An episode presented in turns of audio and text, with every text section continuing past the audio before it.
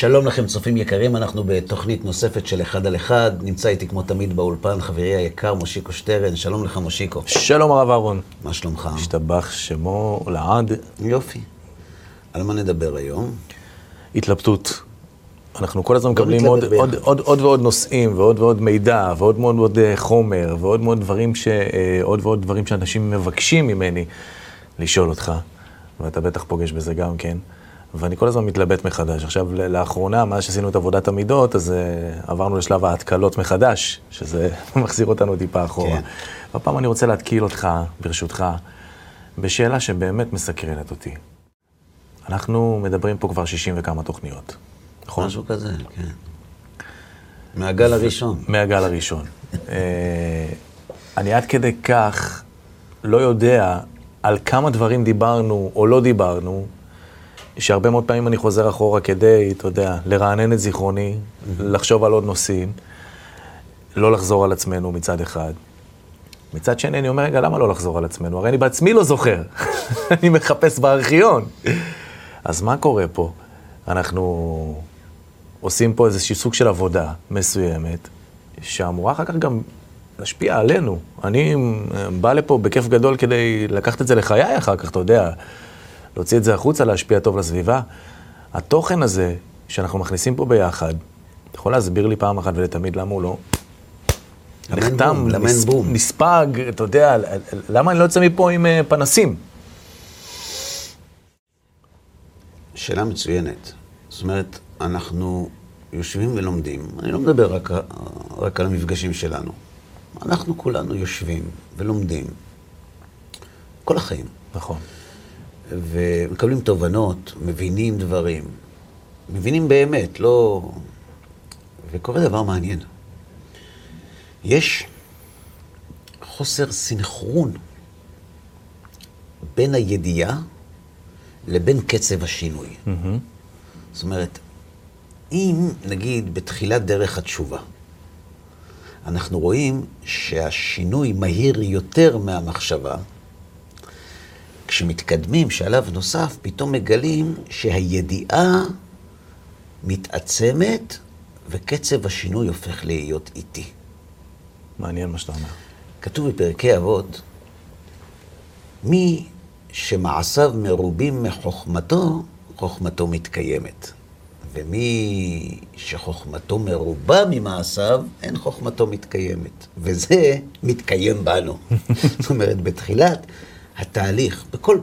זה לא- לא חייב להיות אדם ש, שלא שמר שבת והתחיל לשמור שבת. זה אדם ששמר שבת וגדל בבית של תורה ומצוות, ורוצה לעשות שינוי ולהתקדם.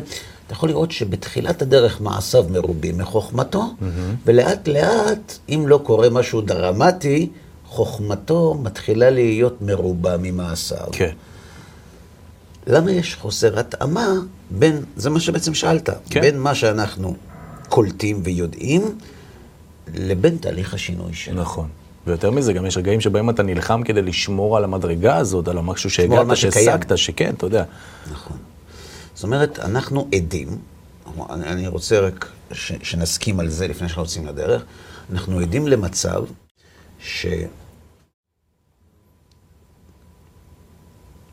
שהחיים של העולם הרגשי מתנהלים בקצב שונה מהחיים של העולם התודעתי. נכון.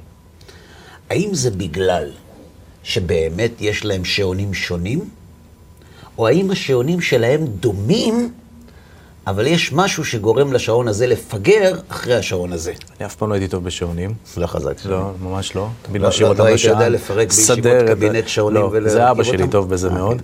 כן. פירוק הרכבה, יצירת רובוטריק מהתוצאה, אה, כל מיני כאלה, אבל לא אני. ותמיד תהיתי, באמת, מה שאתה אומר הוא דבר מאוד מאוד אה, מעניין, כי באמת, באמת, זה גם מאוד תואם את התוכנית הקודמת שלנו, ודיברנו על מוח ולב, אתה זוכר, על השכל. וגם... מה אני אגיד לך שאני לא זוכר? שזה גם הגיוני בהקשר לנושא שלי היום. המהלך הזה שאתה מדבר עליו, המהלך הזה שהשני קודקודים הגדולים האלה ששולטים בנו, לא עובדים בסנכרון, ולפעמים אתה ממש רוצה לשים גם רגע איזה טייס אוטומטי. ספגתי, קיבלתי, יאללה, כזה, אתה יודע, בוא נשחרר את זה. אדם לא משחק כדורגל כל החיים שלו, עולה למגרש, יודע להבקיע גולים, מה קורה? אני אתן לך תשובה אה, מעולם המחשוב, בסדר? Mm-hmm. אדם רוצה לבדוק את מהירות ההעלאה וההורדה שלו באינטרנט. כן. אז יש תוכנה שאתה משתמש בה, והיא אומרת לך, אתה, קצב ההעלאה שלך הוא כזה, קצב ההורדה שלך הוא כזה. מדגישים בפניך, לפני שאתה לוחץ על הכפתור, אה, תיישר את המחשב. זאת אומרת, אל תבצע עכשיו העלאות והורדות במקביל, כדי לקבל אינדיקציה ברורה, כן. אמיתית יותר, מדויקת יותר, על הקצב. כן. השאלה היא למה? נקה את התעבורה, כאילו. למה? כי רוחב הפס שלך הוא מוגבל. ואם אתה משתמש עכשיו בהעלאה של קבצים אחרים, הוא ייתן לך את מהירות ההעלאה שלך ביחס למגבלה שאתה הצבת בפניו. בדיוק. כלומר, לכל אחד מאיתנו יש רוחב פס, מה שהשם נתן לו. וכשאנחנו קולטים מידע מהשיעורים מתוך בית המדרש, אנחנו גם קולטים נתונים מחוץ לבית המדרש. וכשאתה קולט נתונים מתוך בית המדרש או מחוץ לבית המדרש, אתה לא יכול לצפות שבית המדרש ישתלט על כל רוחב הפס שלך. חז"ל אומרים, עד שאתה מתפלל שלא ייכנסו, שייכנסו דברי תורה לתוך מאיך, תתפלל שלא ייכנסו דברים בטלים לתוך מאיך. נכון. זאת אומרת, אנחנו לא מודעים לזה אולי, אבל למידע שאנחנו קולטים, יש השפעה עצומה על חוסר הסינכרון בין מה שאנחנו לומדים בתוך בית המדרש לבין מה שאנחנו עושים בחוץ.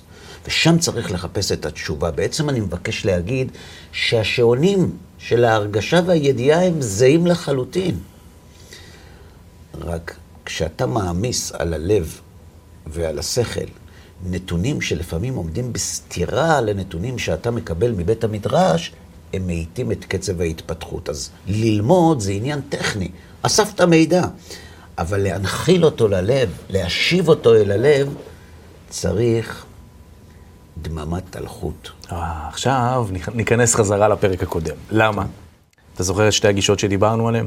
זה היה הרמח"ל אל מול כן, נכון, הרמח"ל ורבנו בחיי. ורבנו בחיי. זה בדיוק אותו דבר. כי, כמו שאמרנו קודם, יש מציאות שבה, מה שאתה אומר עכשיו, זה בוא ניסגר תחת אה, דלתות הישיבה, הכולל, או לא משנה מה. נספיג את מוחנו בתורה כל היום. כשנצא החוצה אל הבית שלנו, מן הסתם נדבר תורה. החיים שלנו יהיו שם, מונחים שם. מצד שני, מבקשים מאיתנו דירה בתחתונים, רוצים חיבור, רוצים לקדש את החומר, אז אני צריך לצאת אל החומר. ולצאת אל החומר זה אומר לעבור בדרך ולראות את כל מראות שרואים ברחובות היום, ואתה יודע, ולספוג את מה שסופגים. ואם אתה פותח מסך כזה או אחר, זה לא חייב להיות טלוויזיה, זה יכול להיות גם, אתה יודע, כל טלפון היום. ברוך הבא לעולם שבו, גם אם אתה לא רוצה, שותלים בתוכך מידע, אגב, גם במגזרים. זאת אומרת, זה משהו שהוא, אתה יודע, מוכתב מבלי שנרצה. ואז אתה לוקח את כל המישמש הזה ביחד, ואתה מדבר איתי על רוחב הפס, אבל רוחב הפס שלי, וואלה, אתה צודק, מלא בהמון המון דברים שכנראה מיותרים לי, אבל הם שם כי הם שם. אני לא יודע אם הם מיותרים, אבל במקרים מסוימים הם מתנגשים עם המידע הנוסף שאותו אתה ביקשת. אני רוצה לעשות חלוקה.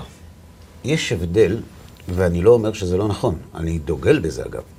יש הבדל בין לסגור את עצמי במסגרת מסוימת ולא להיחשף לחוץ, שזו אפשרות אחת, אבל זה לא מחייב. אפשר גם שהאדם יצא לפועלו ולעבודתו עדי ערב, והוא עדיין בכל מקום שהוא נמצא, לוקח איתו את המקום הסגור שממנו אני לא יוצא. זאת אומרת, השאלה היא, איך אנחנו מתייחסים, איזה משקל אנחנו נותנים למידע שהחושים שלנו קולטים? זו השאלה. שאל אותך, מושיקו, תראה, אתה שדרן מוכר, מפורסם, אתה פוגש הרבה אנשים, אתה לא תמיד נמצא בתוך בית המדרש. אני רוצה לשאול אותך, הקלת עליי, כן. אני רוצה לשאול אותך, באמת, אנשים מודעים להשפעה העצומה שהמידע שהחושים שלהם קולטים בלי להתכוון לכך. הם מודעים לעוצמה האדירה של המידע הזה על החיים שלהם? לא, התשובה היא לא. אני אגיד לך למה. נו. כשאתה התרגלת לאכול כל יום איזה ג'אנק פוד כזה, המבורגר, בסדר? וזה נורא טעים לך. וזה גם כביכול מזין אותך, כי הנה, אתה שבע. ואחרי שלוש-ארבע שעות אתה עוד פעם רעב, אז אתה עוד פעם אוכל את אותו הדבר, כי אתה רגיל אליו. אתה לא באמת יודע מה זה עושה לך. ביום שאתה תעצור ותחליף את זה במלפפון עגבנייה וחסה, כנראה אתה תבין. בטח תבין, תישאר רעב. אולי בשלב הראשון. אולי בשלב הראשון, אבל בשלב השני הגוף שלך יעבור איזה ניקוי רעלים, ובשלב השלישי אתה גם תחיה חיים הרבה יותר נוחים, אמיתיים, פחות עייפות, מרוכז, וכל הדברים האלה שבאמת הרפואה הטבעית מוכיחה. מה זה בעצם אומר? זה בעצם אומר שאנחנו מפוצצים בג'אנק פוד של ידע, כל הזמן, ואנחנו לא מודעים למה זה עושה לנו, בסדר? נתתי לך הרי לא מעט דוגמאות במהלך הדרך אה, בתוכניות שלנו, על שיחות שלי עם אנשים מעניינים.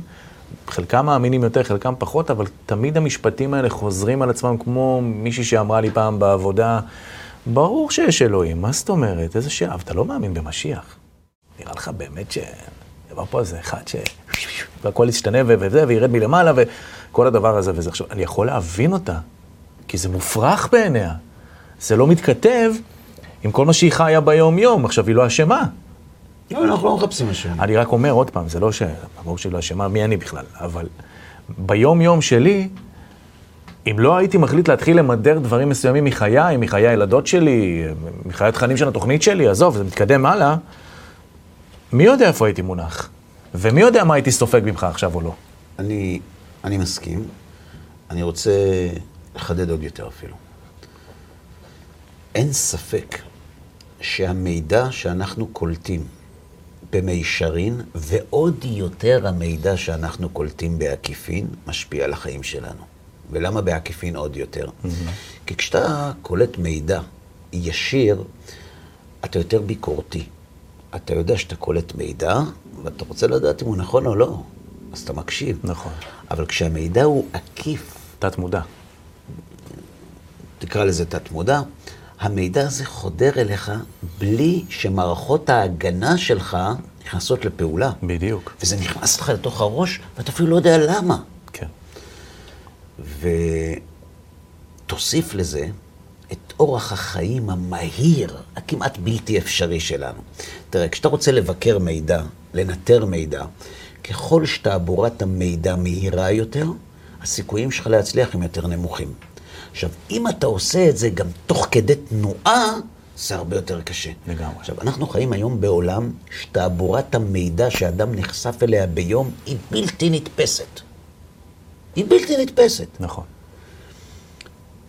אתה יודע, אנשים קוראים בטלפון אה, ידיעות, כתבות, סרטונים, זה פשוט בלתי נתפס. עכשיו, קצב החיים הוא מטורף לא פחות.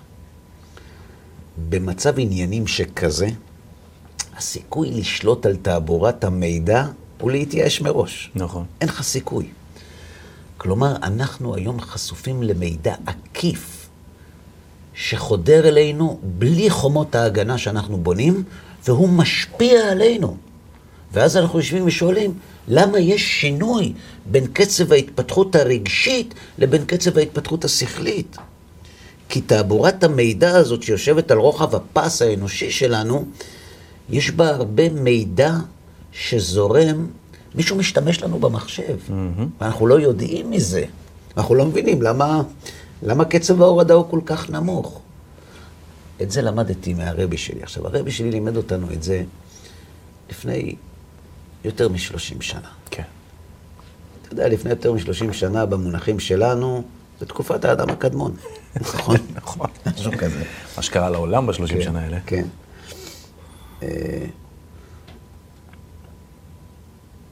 הוא אמר לנו ככה, הוא נתן לנו שיחה בחודש אלול, כן. שיחת חיזוק.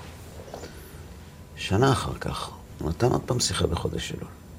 עכשיו, אני זכרת. לא זכרתי, אבל אמרתי, וואנה, זה מעניין, אני, אני ממשיך אותו, כאילו, התקדמתי, אני יודע להמשיך אותו.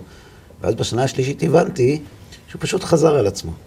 אז שאלתי אותו, אמרתי לו, הרב, כמובן, לא בשפה שאני מדבר איתך, אבל אמרתי לו, הרב, לרב יש כל כך הרבה מה לתת לנו. למה כל שנה הרב חוזר על אותה דרשה, אותה שיחת מוסר בחודש אלול? אז הוא אפילו לא נעלב ולא התפעל. הוא אומר, אני למדתי מהרדיו. אני יודע בכלל הוא יודע שיש רדיו. הוא אומר לי, תראה, לפני החדשות יש פרסומת שרוצים למכור את זה ואת זה. אני לא רוצה לעשות פרסומת לאף אחד. כי גם אם אני אומר את זה, זה רק מעיד עד כמה זה חודר לנו המידע. אחרי החדשות, יש עוד פעם את אותה פרסומת. ואני שואל את עצמי, הרי זה לא בחינם. הם משלמים המון כסף בשביל זה. כן. אז כבר אמרת את זה פעם אחת, בשביל מה אתה אומר את זה פעם שנייה? והם לא טיפשים.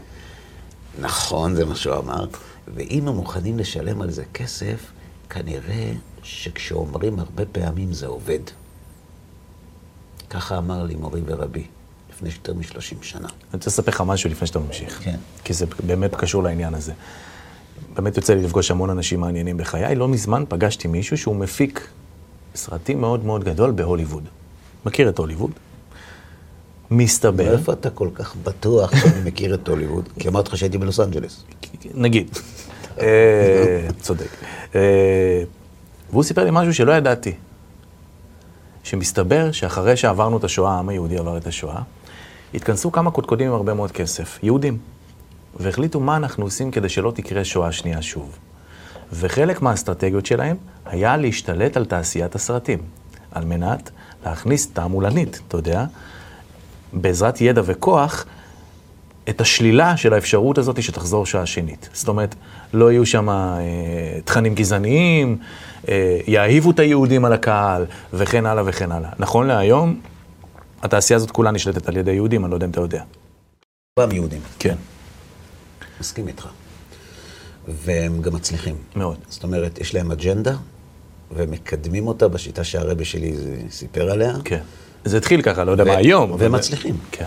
זה לא משנה אם זה אותם אנשים. הם מצליחים. זה מלמד אותנו שלמידע שאנחנו מקבלים יש השפעה אדירה על הנפש שלנו, על החוויה שלנו ועל קבלת ההחלטות שלנו.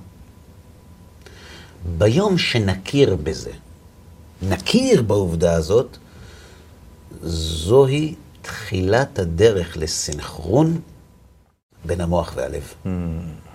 עד שלא נכיר בזה, מישהו מדע אותך, מה, מה אתה, אתה כזה חלש, כל דבר משפיע עליך? אני חושב שמי שיודע שכל דבר משפיע עליו, הוא הרבה יותר חזק ממי שכל דבר משפיע עליו וחושב ששום דבר לא משפיע עליו. חזק. אתה צודק. אני חוזר חזרה לחממה שדיברת עליה בהתחלה, ככה בזה. כן. תראה, בעיתונות החרדית לא מדברים על כל דבר. נכון. לא רק בעיתונות החרדית, גם בבית שלי אנחנו לא מדברים על כל דבר. לא רק בין הילדים. גם אשתי ואני, כשמדברים על נושאים מסוימים, לא תמיד, או יותר נכון, אנחנו לא משתמשים במינוחים שמשתמשים בהם בחוץ. אנחנו לבד בבית. אף אחד לא שומע אותנו. כן, מתוך הרגל. זה מתוך הרגל שמבוסס על עיקרון, ברור. כן. כמו לקרוא אבא ואימא לאלה. למשל. אבל אני רוצה להסביר מה מסתתר מאחורי זה.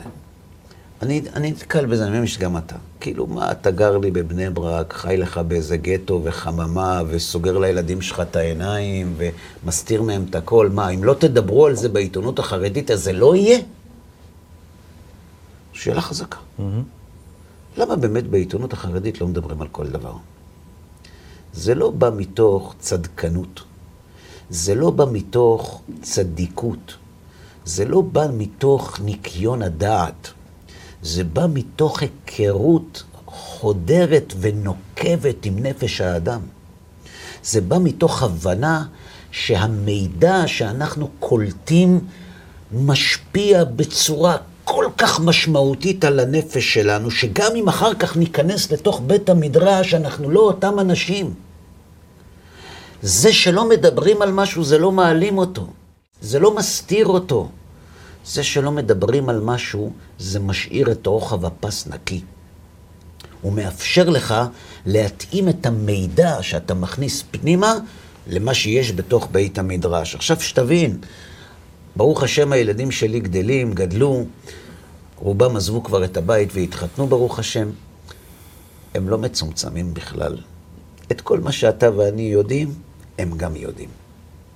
אלא. אז מה הרווחת? אז מה הרווחת? הרווחתי דבר גדול. שני דברים.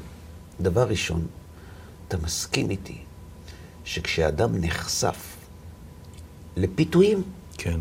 לא פיתויים רעים, עושר, כל מיני דברים, כשהוא נחשף לפיתויים והוא עדיין לא מגובש, הרצון שלו עדיין לא מעוצב, הוא עדיין לא כל כך בטוח מה הוא רוצה, הסיכויים שהוא יושפע מהפיתויים שבחוץ, גבוהים יותר. הם גבוהים מאוד. נכון. שתבין, בקיבוצים לא רצו לתת לבני ובנות קיבוץ להתחתן עם בני ובנות עיר. למה? למה? זה לא קשור לדת. כי הם חששו על מה? שהפיתויים שבחוץ, שבעיר. הוא עדיין בחור צעיר, אחרי צבא, עדיין לא פיתח את האידיאולוגיה שלו, הסוציאליסטית, הקומוניסטית, או מה שלא תרצה. אה, זה דת, לכל דבר. בסדר, לא משנה. ו, והוא עדיין אה, בסיכון. הוא עדיין בסיכון. גם אנחנו, אני יודע שיש בטלוויזיה אה, הגבלת צפייה. למה יש הגבלת צפייה בטלוויזיה? לא באמת אני רוצה להבין. אם אתה כל כך ליברל ופלורליסט והכל בסדר, ו- תן לילד לראות. כי תודה לאל שעדיין יש כמה חכמים שמחוקקים חוקים כאלה. למה? למה? למה? דווקא אמרו לי שכשילדים רואים אזהרת צפייה, הם דווקא באים. אה, כן. אבל אני, לא- אני באמת שואל, למה את זה אתה אומר לילד, לא, זה לא בשבילך. למה לא, אבא? מה אתה מסתיר ממני? כי כל אדם מבין שיש דברים שכשאתה נחשף אליהם אתה צריך להיות מגובש. מגובש בדעתך. וילדים קטנים הם עדיין רכים, הם עדיין שתילים שלא נתעצבו, ואין להם עדיין חוט שדרה מספיק חזק. ההיכרות בעובדה הזאת היא לא חולשה, נכון. היא חינוך. ולכן, אני באמת מעדיף שהילדים שלי, וגם אני, נחיה במקום שהסיכויים שניתקל במידע שמתנגש עם המידע של בית המדרש, יהיה כמה שיותר נמוך. אין מאה אחוז. מצד שני, אתה יכול לבוא ולומר, אוקיי, אז את- התקשורת החרדית אמנם מעלימה, או לא מדברת, או אתה יודע, או לא מציפה החוצה סיפורים כאלו ואחרים, אבל בזכות שסיפורים כאלו הוצפו בתקשורת ההיא, אז ניצלנו מ-1, 2, 3, 4, 5. תרשה לי. מרשה אני לך. מכיר את הטיעון הזה, ואני מדבר מהחיים. אני לא מדבר ממגדל השן ולא מהצד העיתונאי. אני מדבר מהחיים. אני אוקיי. אבא לילדים. אני דואג לילדים שלי לא פחות משכל אבא ואימא אחרים דואגים לילדים שלהם. ואני מגן ומגונן על הילדים שלי שלא ייפגעו מאנשים רעים, בדיוק כמו שאבא ואימא אחרים מגוננים על הילדים שלהם. וכשהילדות שלי והכלות שלי שולחים את, ה, את הילדים שלהם למעונות ולגנים, הם דואגים שלא יפגעו בהם בדיוק כמו שכל אימא אחרת דואגת של, שלא יפגעו בילדים אין שלה. ויכוח. ויש כאן שאלה עצומה. אם ההורים החרדיים מודעים לסיכונים שכל ההורים בארץ מודעים אליהם, והם הורים טובים, הם לא ירצו להגן על הילדים שלהם? כן, אבל יש פה עוד צ'יפ אחד שהוא, אתה שוכח אותו. אתה יודע על מה אני מדבר, נכון? על הילדים. לא. אני מדבר על זה שיש איזה סוג של, אפשר להגיד, אה, אולי אפילו עיוורון לפעמים. בשם, הרבי שלי אמר לי לשים את הילד בגן הזה. לא, לא, לא, לא, לא, לא, לא, לא, לא, לא, אל תערבב. למה? כן, אסביר לך למה. אני עוד לא סיימתי את החלק הקודם. אנחנו כהורים, אני מדבר עליי, אני מדבר על חברים שלי, אני מדבר על, אני מדבר על החרדים. כן. מה אתה חושב? שאנחנו לא מזהירים את הילדים שלנו מכל הסכנות הרעות שאוהבות בדרך? אני בטוח. יפה. השאלה איך עושים את זה. השאלה מה אומרים. השאלה באיזה רזולוציות. אבל כשהילד שלי יוצא לרחוב, הוא נזהר מאנשים לא טובים, בדיוק כמו כל ילד אחר.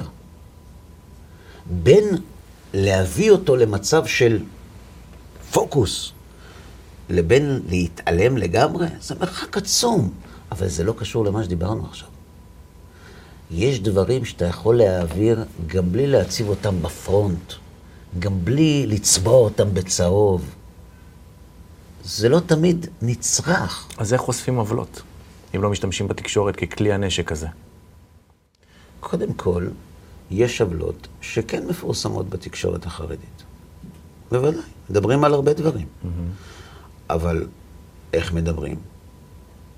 כמה מדברים? מה המטרה של הדיבור? האם המטרה של הדיבור זה הצהוב, האם המטרה של הדיבור זה לתקן? הרי אתה ואני, אנשים שמדברים, אנחנו יודעים שאתה יכול להגיד את אותו דבר. כשאתה אומר את זה בשביל תועלת, לתקן, לסייע, לשנות, או כשאתה אומר את זה בשביל למשוך זמן אה, ברדיו או, או, או מול המצלמה. תאמין לי, הילדים החרדים, מערכת החיסון הרגשית והנפשית שלהם לא פחות איכותית מילדים אחרים בגלל שהם גדלים בחממה. כשהם יוצאים החוצה, mm-hmm. הם נחשפים להכל, אבל הם נחשפים ממקום אחר לגמרי. אני מסכים שלא כולם יבינו אותי. לא כולם גם יסכימו איתי, לא בגלל שהדברים שאני אומר לא נשמעים להם טוב באוזן, כי נקודת המוצא שלהם שונה לגמרי. לגמרי שונה. ועל זה אני לא יכול לגשר, אני אומר לך את האמת. אתן לך דוגמה.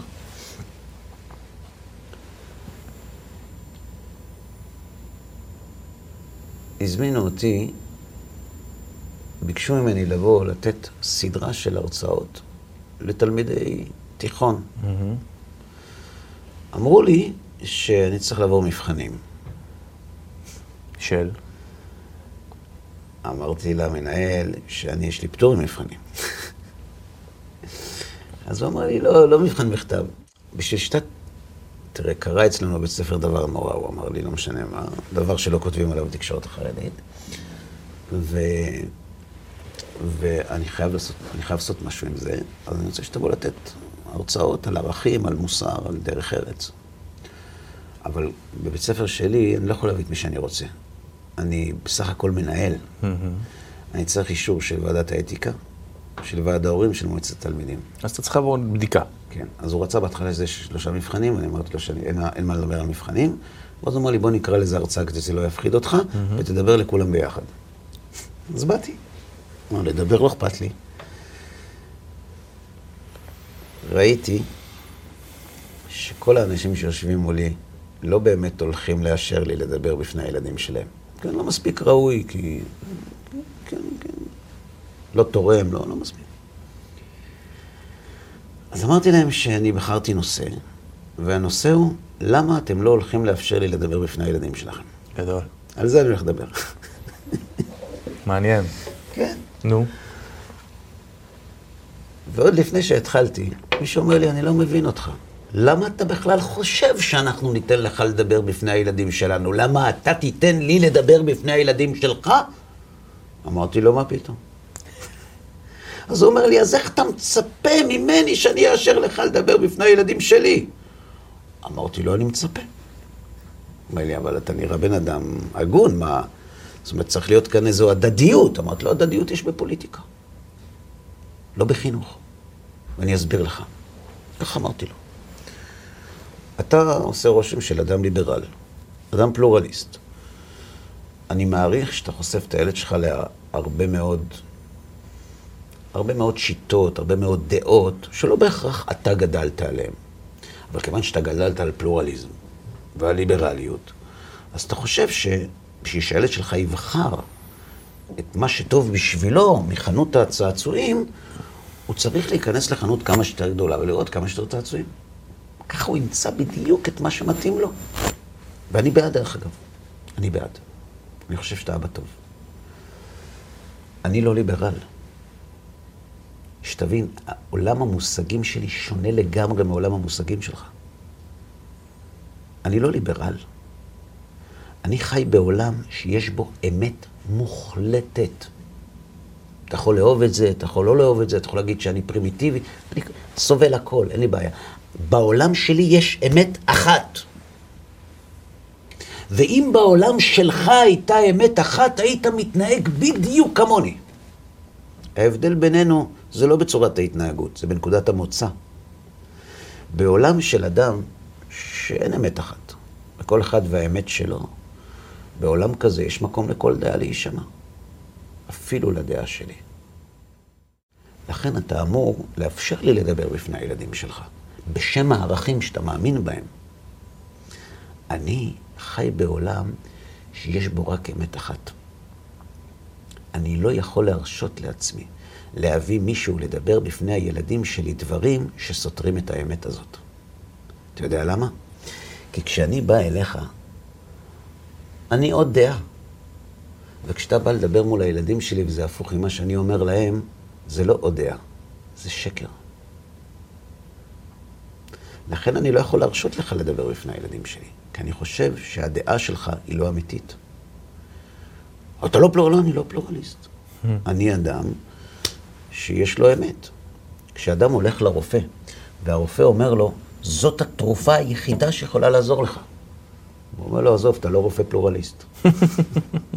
תן כמה, תן, תן לי לבחור. אתה יכול לבחור, אבל אני רופא, אני אומר לך שזאת התרופה. כן. אני חי בעולם כזה. עכשיו, אתה יכול להתווכח איתי. מי אמר שהאמת שלך צודקת? מי אמר שהאמת הזאת היא מוחלטת? יש עוד אמיתות בעולם, יש נצרות, יש אסלאם, יש בודה, יש זה, יש... אפשר לדבר. על זה אני יכול לדבר איתך. אני, לא הילדים שלי. אגב, כשהילדים שלי יהיו גדולים, הם גם ידברו איתך על זה. הם כרגע בגדילה, בצמיחה, תן להם את השקט שלהם. לא רוצה להפריע להם. בדיוק. כשהם יגדלו, הם ישבו עם הילדים שלך. וההוכחה? אבא שלי. אני גדלתי בבית שלא דיברו על שום דבר מהדברים שאנחנו מדברים פה בתוכנית. דיברו על דברים חשובים, חינכו אותנו, הטיפו לנו, עטפו אותנו, הכל, הכל, אין ספק בכלל. ופתאום אני מוצא את עצמי מתעסק בדברים שאבא שלי היה מתעסק. והוא לא לימד אותי את זה. אתה יודע מה זה אומר? זה אומר שכשהילד שלי יגדל, מתוך החממה הזאת הוא יצא החוצה. הוא יצא החוצה עם נפש בהירה, עם רצון מסודר, ואז תמיד יש סיכון. ברור. אין מאה אחוז לאף אחד, אל תאמין בעצמך עד יום מותך. אבל הסיכוי שהוא יושפע מן המידע שמסתובב בחוץ הוא יותר נמוך מהסיכוי שהבן שלך יושפע. כי לבן שלך אין פילטרים. הבן שלך מחפש דרך לחיים בסופרמרקט של ערכים. למה שהוא יתחבר ויזדהה רגשית, זה מה שהוא ייקח הביתה. אז למה אתה לא נותן לו לשמוע אותי? זאת אומרת, מי שבחיים שלו יש אמת מוחלטת, צורת החינוך והתנהלות החיים שלו שונה לגמרי ממי שהוא פלורליסט וליברל. היחס למידע שונה לגמרי. וזה שורש ההבדל, לא רק בין התקשורת הזאת לתקשורת הזאת. תקשורת זה, זה רק משהו מאוד חיצוני. הגישה למידע. איך אני ניגש למידע שהילדים שלי קולטים. אתן לך דוגמה. יושב ילד, רואה טלוויזיה. יש סדרה בטלוויזיה. הוא רואה שמה, נגיד, דרמת פשע. כן. בסדר? כן. זה לילדים בני שש-שבע, כאילו. והערמומיות של העבריין, של, של הסנדק, של ראש המאפיה, התחכום שלו, האווירה שהוא משרה, זה קוסם לילד. נכון, קוסם גם למבוגר. חמוד הסנדק הזה. כן. גבר גבר, כן. תותח. כן, עושה לכולם בית ספר.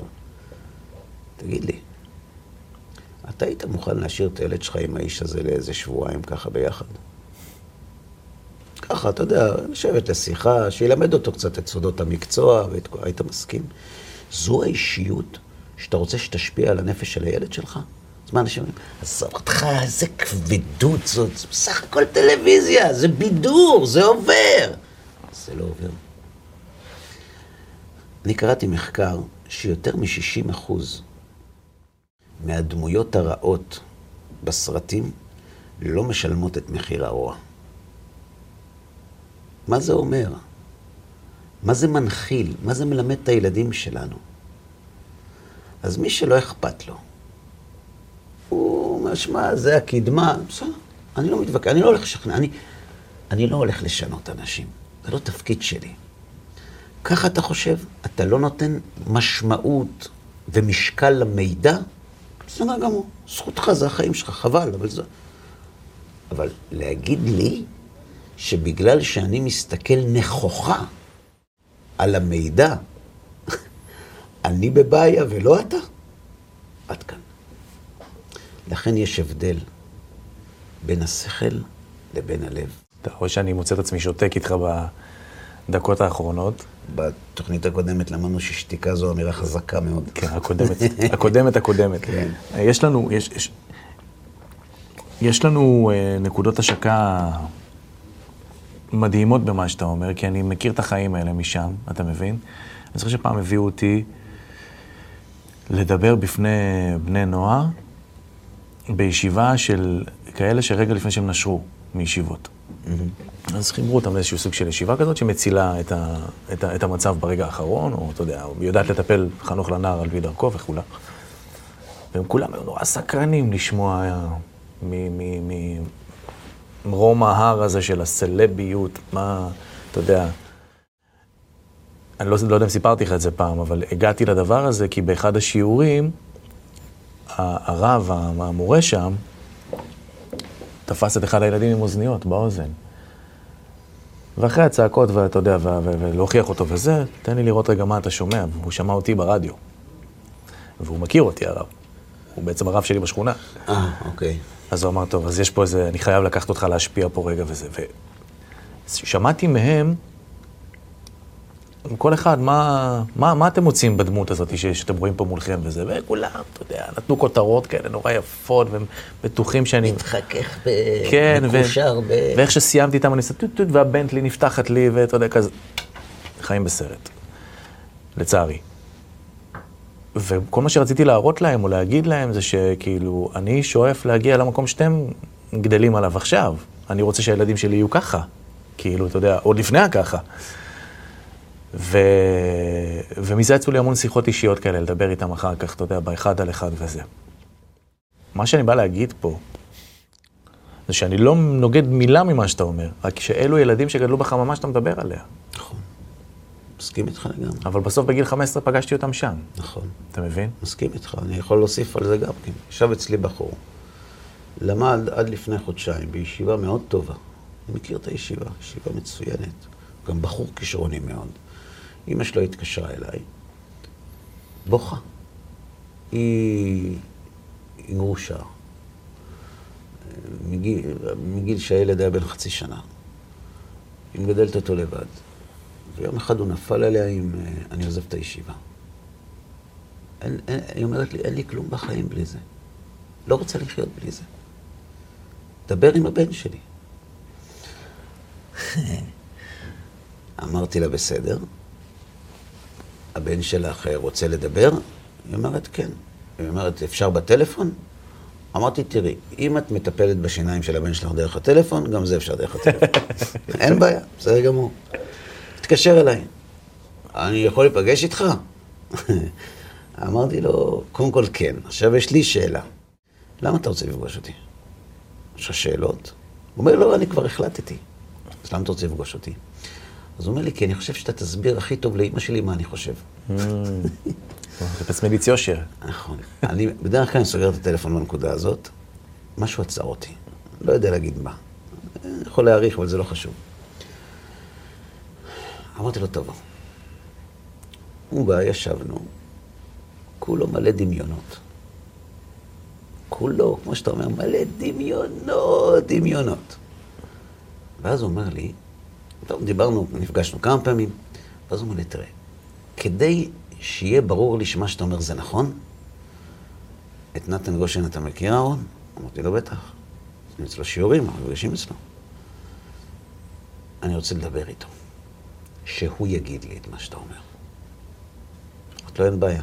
ונתן יש לו לב זהב.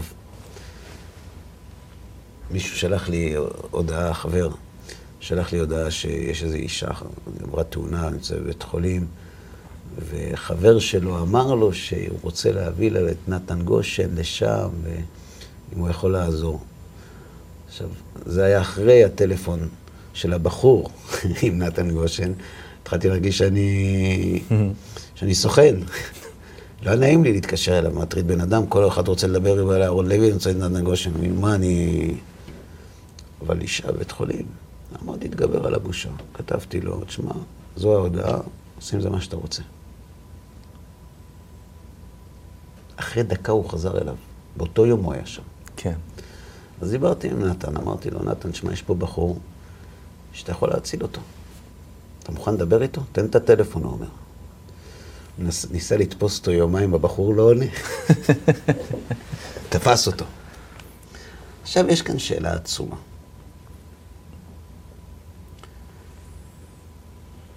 למה ממני הוא לא שומע ומנתן הוא כן שומע?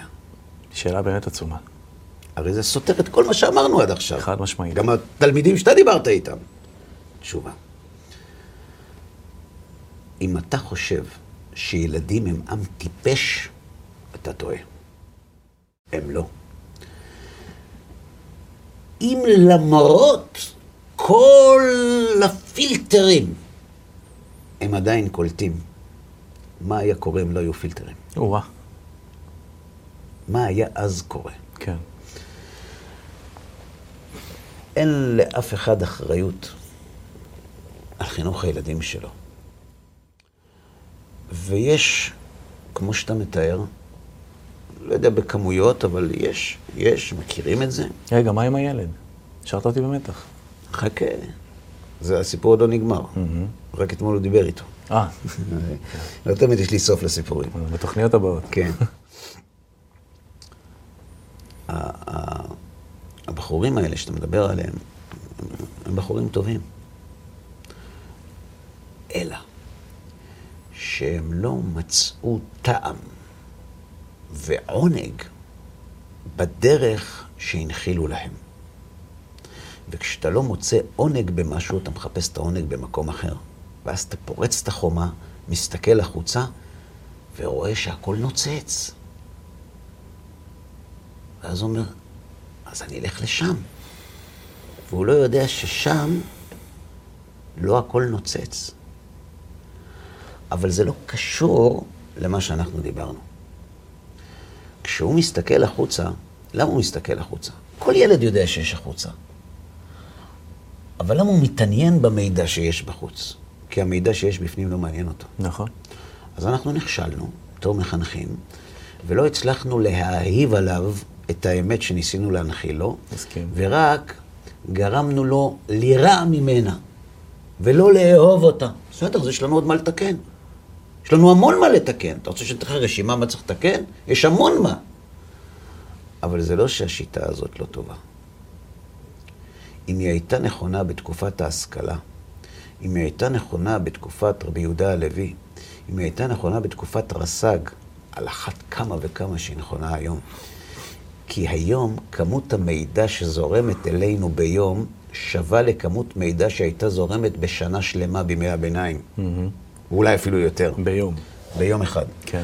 לכן, נו, אז אחת כמה וכמה שה- שהשיטה שצריכה לעשות איזה fine-tuning, להשתפר, לעבור איזה אדפטציה, להתמודד עם הדבר הזה, הרי זה לעומת זה ברא הקדוש ברוך הוא, נכון? מתמודדים. מתמודדים. אבל אם אני חוזר להתחלה, אם אנחנו רוצים ליצור איזון בין המעשיו מרובים מחוכמתו לבין חוכמתו מרובה ממעשיו, אנחנו צריכים לבדוק איפה חוכמתו מסתובבת. אם חוכמתו לא מסתובבת רק בבית המדרש, ככל שהיא תסתובב יותר בחוץ, להסתובב בחוץ זה לא פיזית. אדם יכול לעבוד, החלבן, זכר צדיק לברכה.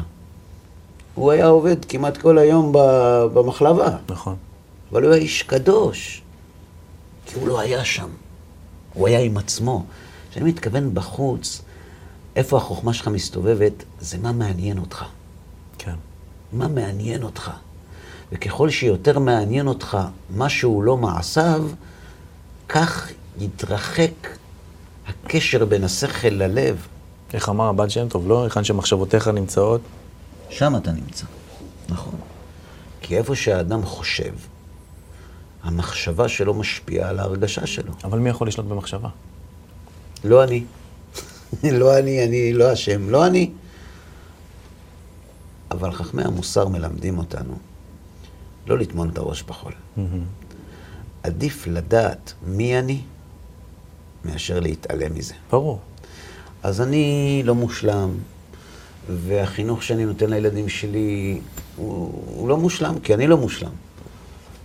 והחברה שאני חי בה היא לא מושלמת. חוץ מהקדוש ברוך הוא שום דבר לא מושלם. נכון. אני מודע לזה, אני מודע לחולשות שלי. אבל כשאדם מודע לחולשות שלו, אתה יכול לסמוך עליו הרבה יותר מאשר אדם שמתעלם מהם. Mm-hmm. כשהטייס מכיר במגבלות המטוס, הוא לא שולט עליו. אבל אתה יכול לסמוך עליו הרבה יותר מטייס שחושב שהמטוס שלו הוא כל יכול. נכון, נכון. לכן, הנושא שהעלית הוא חשוב, הוא חשוב מאוד בדור שלנו. אנחנו צריכים לשאול את עצמנו, איפה נמצא המידע בחיים שלנו? המידע שהילדים שלנו קולטים. אתה סיפרת לי על מילים שאתה כבר לא משמיע ברדיו. כן. בשירים. נכון. אתה לא מוכן להשמיע אותם. והרבה הלכו אחריך. אני לא מוכן, מה שאני לא מוכן שהילדות שלי ישמעו, ככה אמרת לי, אני לא מוכן שילדים אחרים ישמעו. יש לי אחריות על הכתפיים.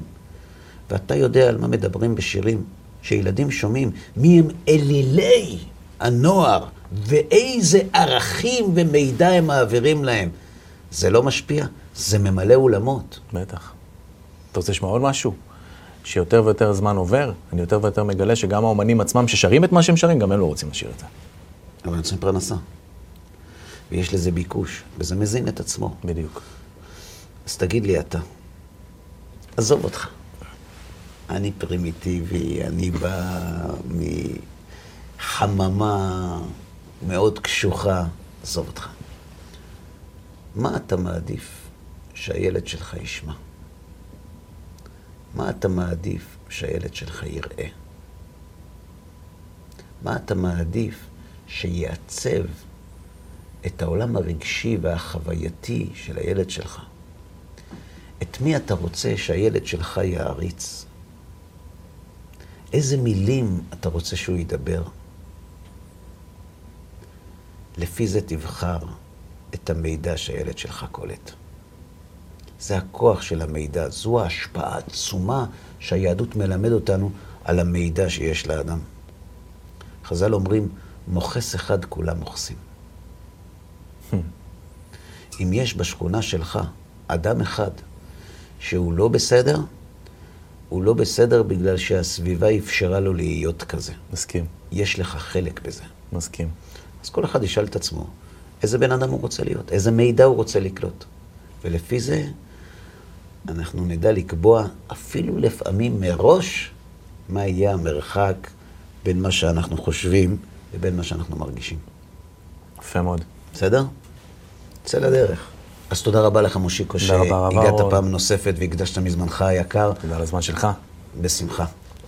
תודה רבה גם לכם, צופים יקרים, שהשתתפתם איתנו בעוד תוכנית של אחד על אחד. אנחנו מאוד מקווים שהדברים יהיו לכולנו לתועלת, ובעזרת השם ניפגש כאן בקרוב בתוכניות נוספות. כל טוב לכם.